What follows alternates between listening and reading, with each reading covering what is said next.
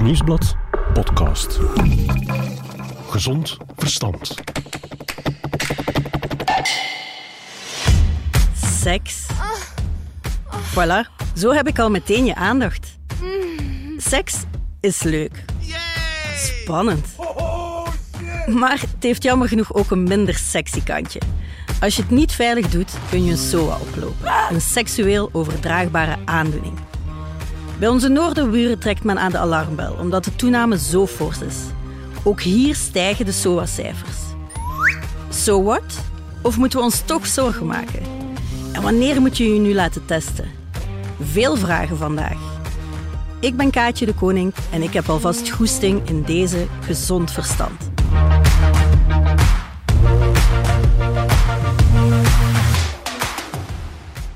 Eerst testen voordat je echt een monogame relatie gaat aangaan. Dat zou nog veel meer moeten gepromoot worden. Dat is zo eenvoudig. Maar die drempel is blijkbaar toch nog altijd aanwezig. Of men denkt, ja, ik zal wel niks hebben.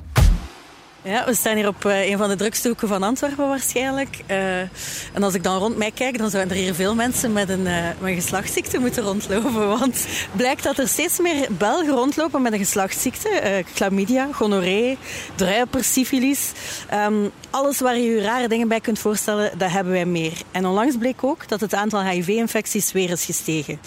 Wat is er aan de hand? Waarom zijn wij niet meer bang voor SOA's? En wanneer moet je je laten testen? Dat zijn allemaal vragen waarmee we vandaag naar Ludwig Apers gaan, arts bij het Instituut voor Tropische Geneeskunde hier in Antwerpen.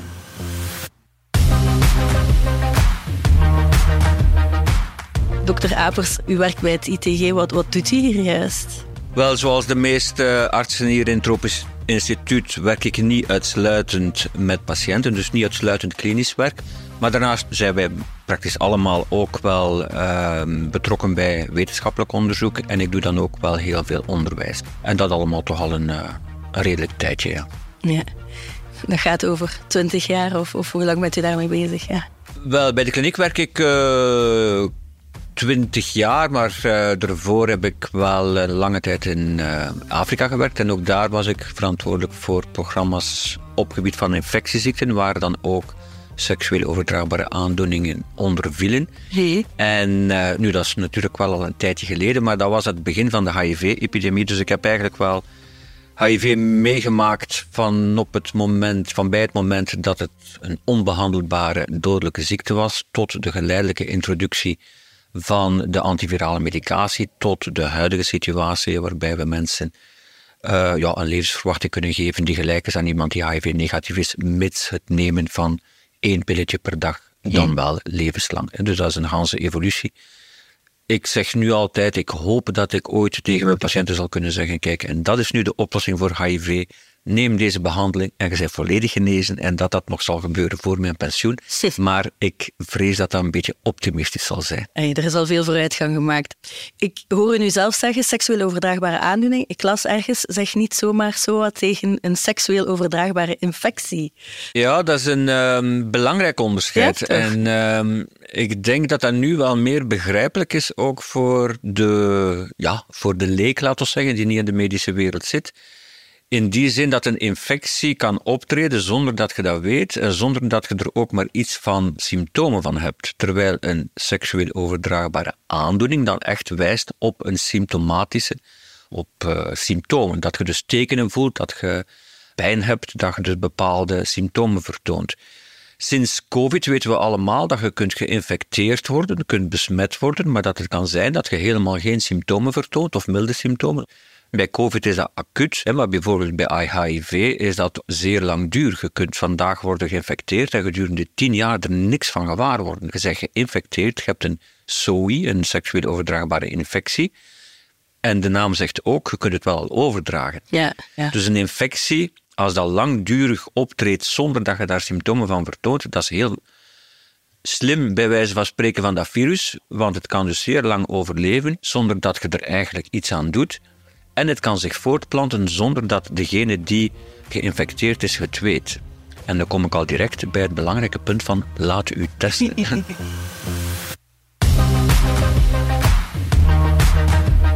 Testen dus. Hoe en wat, daarover gaan we straks nog eh, in de diepte. Voor het gemak gaan we toch de bekende afkorting SOA gebruiken.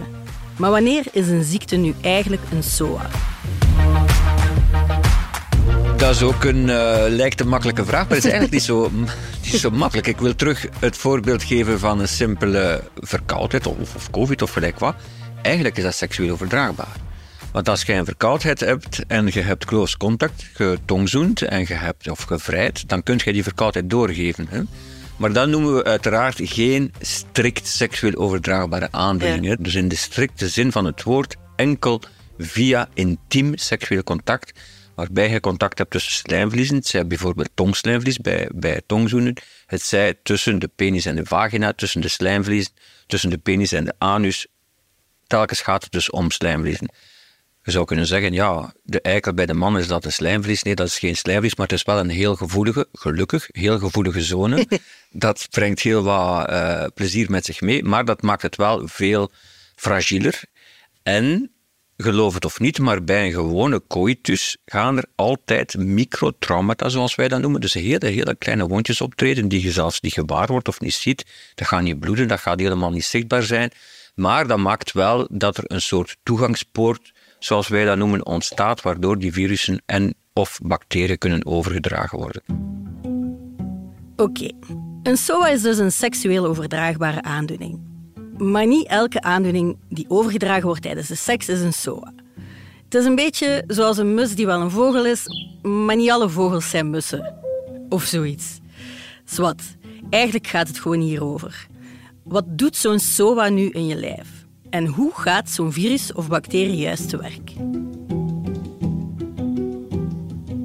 Gelukkig gaat bij SOA heel dikwijls om uh, bacteriën die zich daar ter plaatse gaan ontwikkelen. Die voelen zich er goed, die voelen zich goed in de vagina, voelen zich goed in de urineblaas of in de plasbuis en gaan daar ontwikkelen zonder dat ze eigenlijk zich verder gaan verspreiden. Dus Vandaar ook dat we bij veel SOA-testen eigenlijk urine gaan controleren, de stoelgang of een wissertje gaan nemen, omdat we echt ter plaatse gaan zoeken, is die bacterie aanwezig.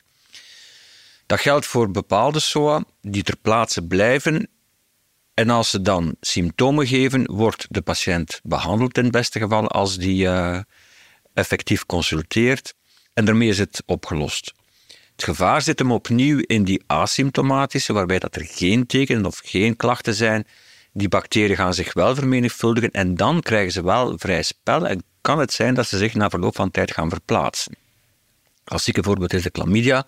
Die gaat dan vooral bij de vrouw opnieuw naar boven kruipen. Van in de vagina komt die in de baarmoederhals, in de baarmoeder, tot in de eierstokken, tot in de eileiders en gaan zich daar vermenigvuldigen, maar natuurlijk ook weefsels gaan aantasten en zelfs gaan vernietigen. Dus het klassieke complicatie van chlamydia, als je die niet behandelt en die bacteriën vrij spel laat, dat er effectief zoveel schade aan die eistokken wordt aangericht dat er een blokkage is en dat dus de betreffende persoon zelfs onvruchtbaar kan worden. Maar gehoord, het blijft wel lokaal. Het blijft wel rond de genitaliën hangen. Bij gono is dat ook zo gonorree. In uitzonderlijke gevallen kunnen die bacteriën ook in het bloed terechtkomen. En gono is daar dan het klassieke voorbeeld van. En kunnen dan ook op afstand, dus niet op de plaats waar dat ze binnengekomen zijn, ook symptomen geven.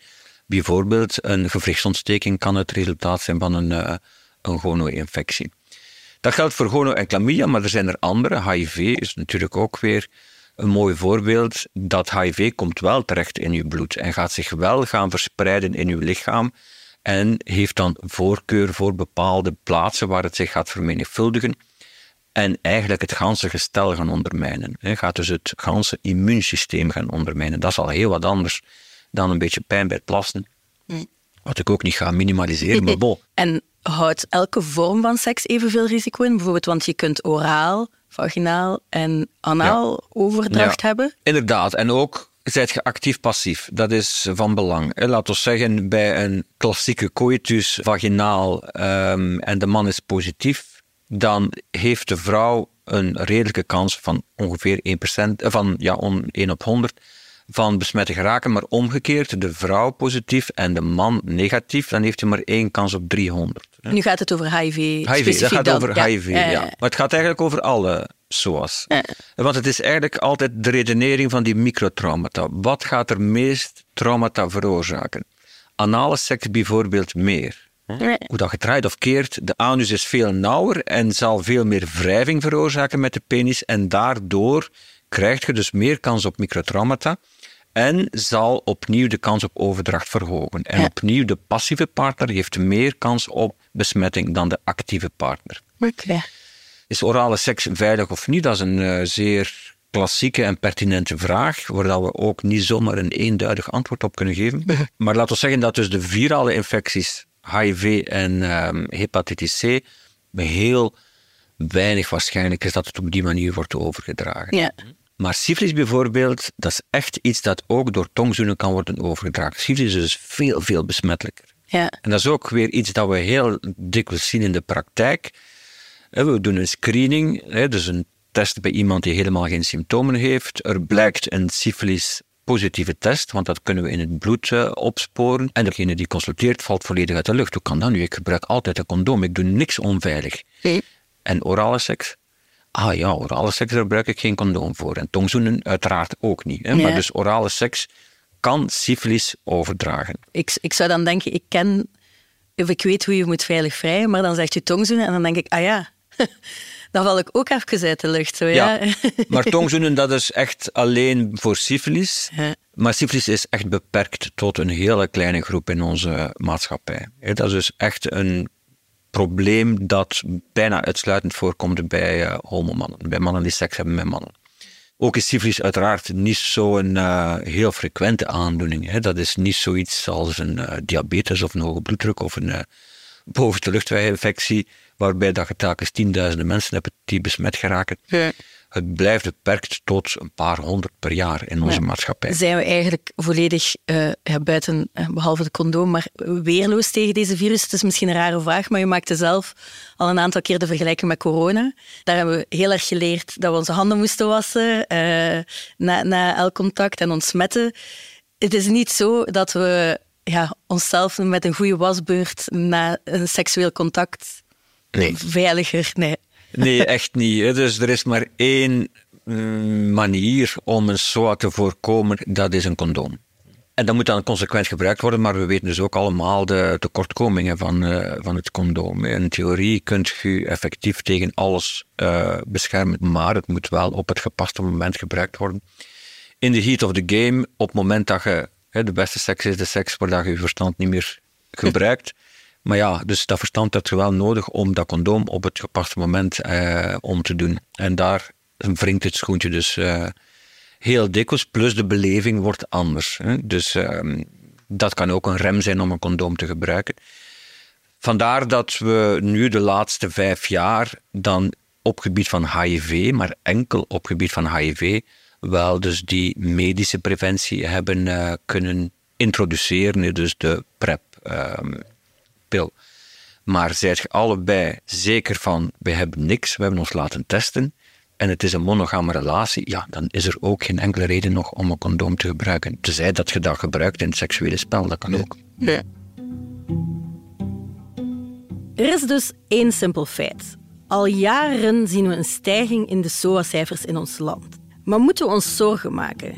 En zijn er eigenlijk verklaringen voor die stijging? Behalve dat we in de heat of the moment allemaal wel eens vergeten waar het pakje condooms nu weer ligt. We zien al jaren een geleidelijke stijging. Dat is niet abrupt, maar dat is toch elk jaar weer een beetje meer. Ik heb nu zelf nog eens gekeken naar onze cijfers hier van onze kliniek. Sinds 2015, 16 in vergelijking met 2022 zijn alles zoals verdubbeld. Dus zien we elke maand nu dubbel zoveel nieuwe gono's, nieuwe chlamydia's, nieuwe LGV's tegenover 2015. Dat is een Belgische trend, dat is een Europese trend. We zijn dus absoluut niet uniek. We zien dat dus overal in gans Europa, waar de cijfers dus ook worden bijgehouden, dat die trend zich voordoet in alle Europese landen. Dat is dus echt wel al een tijd aan de gang. Wat zijn de verklaringen die jullie daarvoor hebben?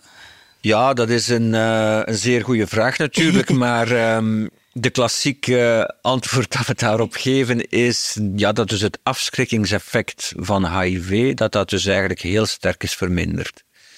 Gedurende jaren, 80er, 90er en begin van de 21ste eeuw, was HIV als ziekte nog een zeer zware diagnose. Dat is allemaal veranderd. Dus de algemene opvatting, of de realiteit, is nu dat je met één pilletje per dag nauwelijks bijwerking, of geen bijwerkingen op korte termijn, op lange termijn echt wel nog, maar op korte termijn geen bijwerkingen meer, dat je daardoor dus dezelfde levensverwachting hebt. We willen ook dat mensen dat weten, dat dat dus niet meer zo'n uh, fatale diagnose is, maar het leidt wel tot een zekere ja, compensatiegedrag, zoals wij dat dan noemen, hè, waarbij de, het veilig vrijen eigenlijk uh, voor een stuk verminderd is. Ja. Het condoomgebruik, echt ook uit studies blijkt in Nederland dat het condoomgebruik ook vermindert. Wij horen het ook in onze dagelijkse praktijk.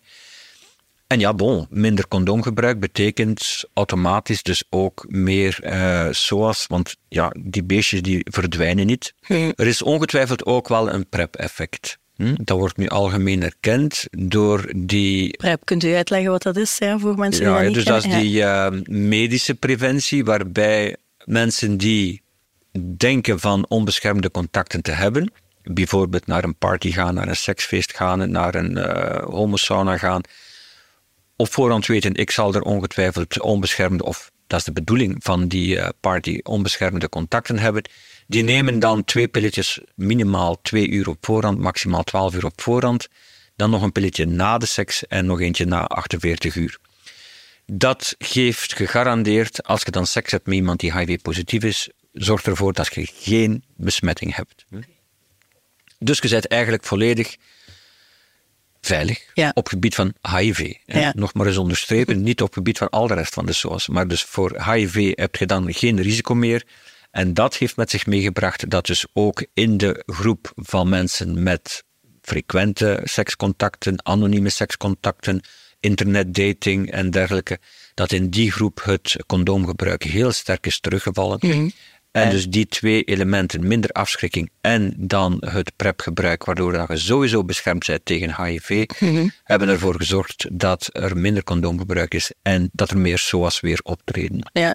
U geeft nu het voorbeeld van bijvoorbeeld zo'n seksfeestje, maar wat ik dan ook lees, is dat doordat wij zo wat in seriële monogamie verzanden, dat mensen denken, oh ja, wij zitten in een vaste relatie, het is niet nodig om ons te laten testen, wij hebben niet zo'n... Multiple contacten, ja, En dat ze dan toch blijkbaar een besmetting meenemen van de ene relatie in de andere, bijvoorbeeld. Ja, dus daarom uh, is het zo belangrijk om, um, als je iemand ontmoet gebruik dan een condoom bij de eerste seksuele activiteiten.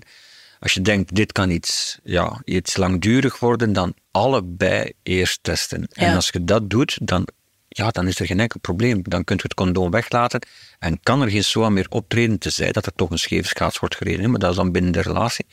Maar in, in dat geval is er geen probleem. Maar dus dat eerst testen voordat je echt een monogame relatie gaat aangaan, dat zou nog veel meer moeten gepromoot worden. Dat is zo eenvoudig. Maar die drempel is blijkbaar toch nog altijd aanwezig. Of men denkt, ja, ik zal wel niks hebben, maar uiteindelijk elke dag zien we hier mensen die zich laten testen, die steriele monogamie, die hm. in een nieuwe relatie willen stappen en dan plots chlamydia blijken te hebben vanuit hun vorige relatie. Ja.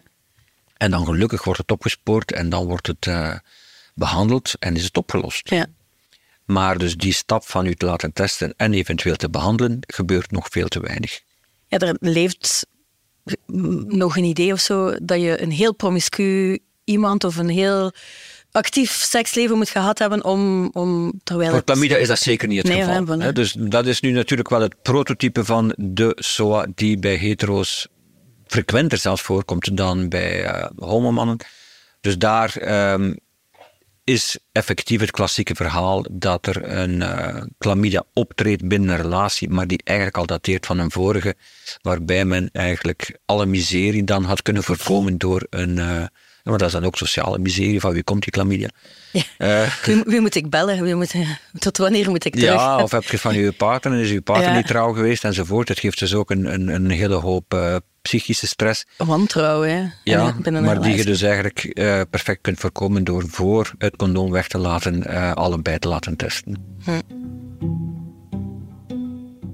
Gewoon een condoom gebruiken. Simpeler kunnen de voorzorgsmaatregelen eigenlijk niet zijn. We leerden het in het zesde leerjaar al, hoorden het nog eens in het middelbaar, waar ik persoonlijk zelfs leerde om een condoom over een banaan te doen.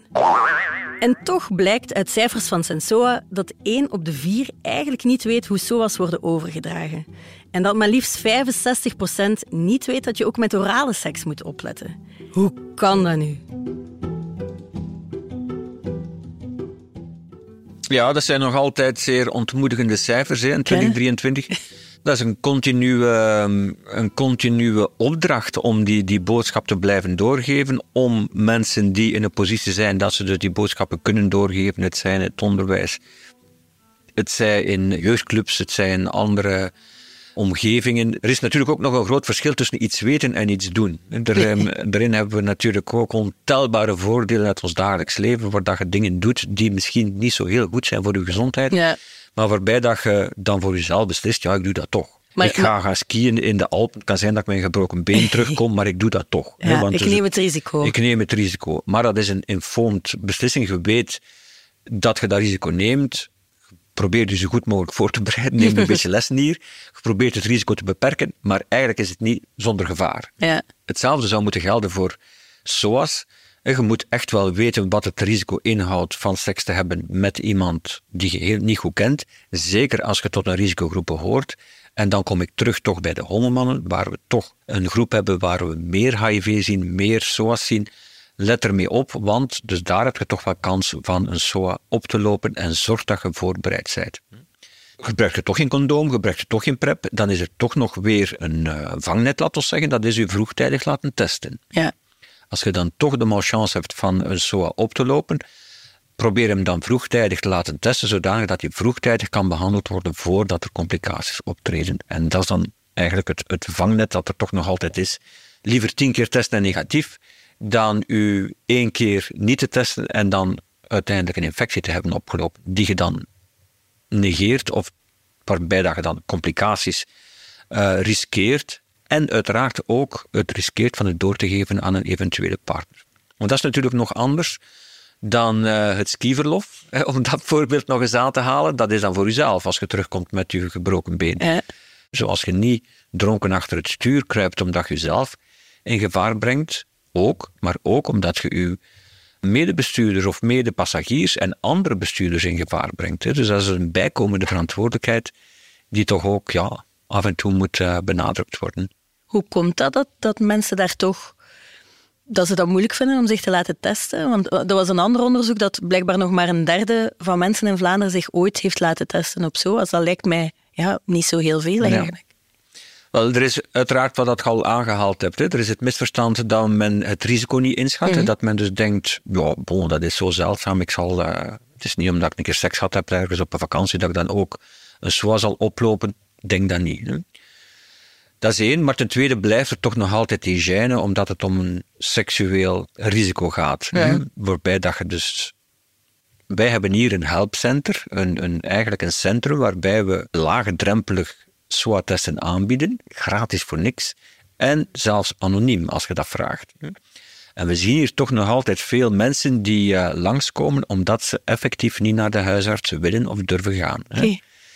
Maar natuurlijk kun je als je niet bij de huisarts kunt gaan, kun je wel bij een, bij een andere arts proberen binnengeraken, enkel voor die test. Ja, dat gebeurt ook heel dikwijls. Als je niet bij je eigen Ja, als je dus echt hygiëne voelt of je vertrouwt het niet ten onrechte dat het um, geheim zal blijven, dan kun je uiteraard bij een, bij een andere huisarts of je gaat bij de gynaecoloog of je gaat bij, uh, ja, ja. even welke arts die een uh, test kan voorschrijven, kan dat doen. En u zei het al, hè? een test is op zich eenvoudig. Jullie kunnen veel makkelijk testen. Wat houdt het juist in? Wel, wij gaan nogal gericht testen. In die zin, het is dus een gratis service, maar we proberen het toch wel een beetje efficiënt uh, te houden. Dus als het uh, risico onbestaande is op HIV, en dat vragen we dus na, iemand die seriële monogamie, uh, heteroseks, binnen België, geen betaalde seks, niet in een hoog risicoland geweest, dan gaan we zelfs geen HIV-test doen, want dan is het risico op HIV nul. Ja. Wat doen we dan? Urinestaaltje en daarin gaan we de twee frequenter zoals bij hetero's opsporen, chlamydia en gono. Ja. En daarmee is het opgelost. Maar het gaat telkens om heel eenvoudige testen, in die zin een urinestaaltje of een, uh, een bloedname, hè, wat dus nu toch niet zo traumatisch is. En uh, ja, binnen 24 uur, maximaal 2, 3 dagen, heb je de resultaten. Als je nu aan het luisteren bent en rode oortjes krijgt omdat je ineens beseft dat je misschien onveilige seks hebt gehad, wacht dan toch nog even voor je naar de eerste de beste dokter loopt. Luister eerst deze podcast uit, want volgens dokter Apers kun je in sommige gevallen beter even wachten voor je je laat testen. We krijgen wel regelmatig mensen die een beetje in paniek zijn. Eigenlijk ja, niet hadden gedacht van seks te hebben, wat gedronken, het was leuk en dan toch in het verkeerde bed terechtgekomen. En dan de dag nadien hier al staan. En dan, maar dan kunnen we eigenlijk nog niet veel op het gebied van de bacteriële infecties gaan testen. Ja. We kunnen dan wel iets doen op het gebied van HIV. Moest het echt een hoog risicocontact zijn, dus niet bij een one-night stand ergens in een, een of ander festival, uh, waarbij dat je binnen uw vriendengroep uh, onverwacht seks gehad hebt, dan gaan we geen uh, pep gaan geven. Maar als het gaat om een, ja, een seksparty waar je naartoe gaat bent en ook onverwacht onbeschermde contacten, en je hebt niks op voorhand genomen, dan hebben we nog een ander redmiddel, dat is PEP, Post-Exposure Prophylaxis. Dat betekent dat je een soort morning after neemt binnen de 72 uur, eigenlijk liefst zelfs binnen de 48 uur, en na dat contact. Maar dan neemt je gedurende een maand een pil, dan gaat de kans dat die besmetting zich gaat doorzetten zeer sterk gereduceerd zijn. Dus ook dat is eigenlijk wel belangrijk om te weten dat dat bestaat, die morning after, de post-exposure. Maar het is wel een morning after voor een hele maand. Niets waar er zoveel caféwijsheden over bestaan als over seks. Maar wat mogen we nu eigenlijk naar het Rijk der Fabels verbannen? En wat is de waarheid en niks dan de waarheid?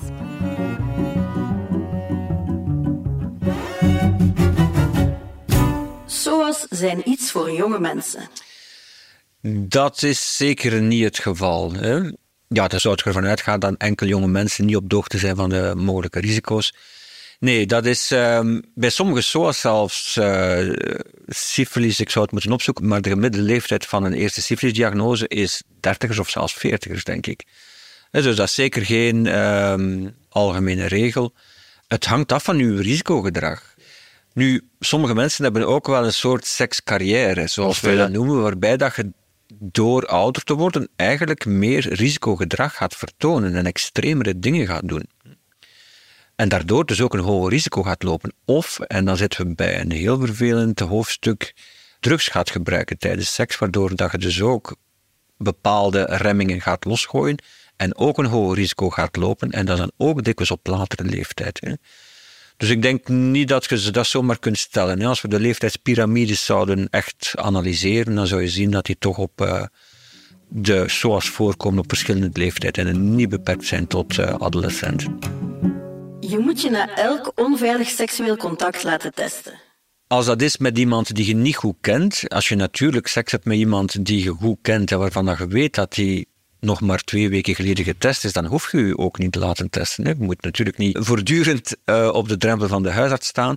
Maar bij een onbeschermd contact bij iemand die je niet goed kent, dan is een test eigenlijk wel aangewezen, ja. Je kunt een SOA oplopen via een vieze wc-bril. Dat is echt een, een fabeltje. Dus een SOA per definitie gaat over een bacterie, een virus dat, of een andere uh, organisme dat overgedragen wordt door close contact van slijm tot slijm. En daar behoort geen jacuzzi toe en daar behoort geen uh, vieze wc-bril toe. Dus die bacteriën virussen overleven niet in de buitenwereld. Dat maakt het precies tot een SOA.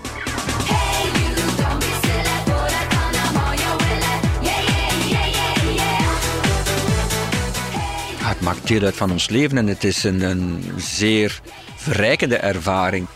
Uh, relaties en seksuele relaties enige wat erbij komt is dat je ook verantwoordelijkheid hebt ten opzichte van je partner. Maar er zijn zoveel mogelijkheden om dat risico tot nul te herleiden, hè, dat het eigenlijk toch gemeengoed zou moeten zijn. Hè. Dat het dus eigenlijk toch wel um, normaal zou moeten zijn dat je effectief bij een onverwacht onbeschermd contact een testje doet. Dat het ook normaal is dat je een condoom bij hebt als je um, naar een festival gaat en denkt van het zou wel eens kunnen dat ik daar een uh, seksueel contact heb, zorg dan dat je dat condoom bij de hand hebt. Ja. En dat je dat niet uh, ter plaatse moet gaan zoeken bij een of andere apotheek, in het beste geval op de event zelf. Maar bij ons staan ze hier gratis ter beschikking op elke consultatietafel. Ja. Maar, Pak er eh, gerust een paar mee. Dat, ja, neem er gerust een paar mee. Maar um, dat zou geen beletsel mogen zijn. Hè. Dus je kunt dat bij elke apotheek en bij elk uh, groot warenhuis uh, raakt gedaan.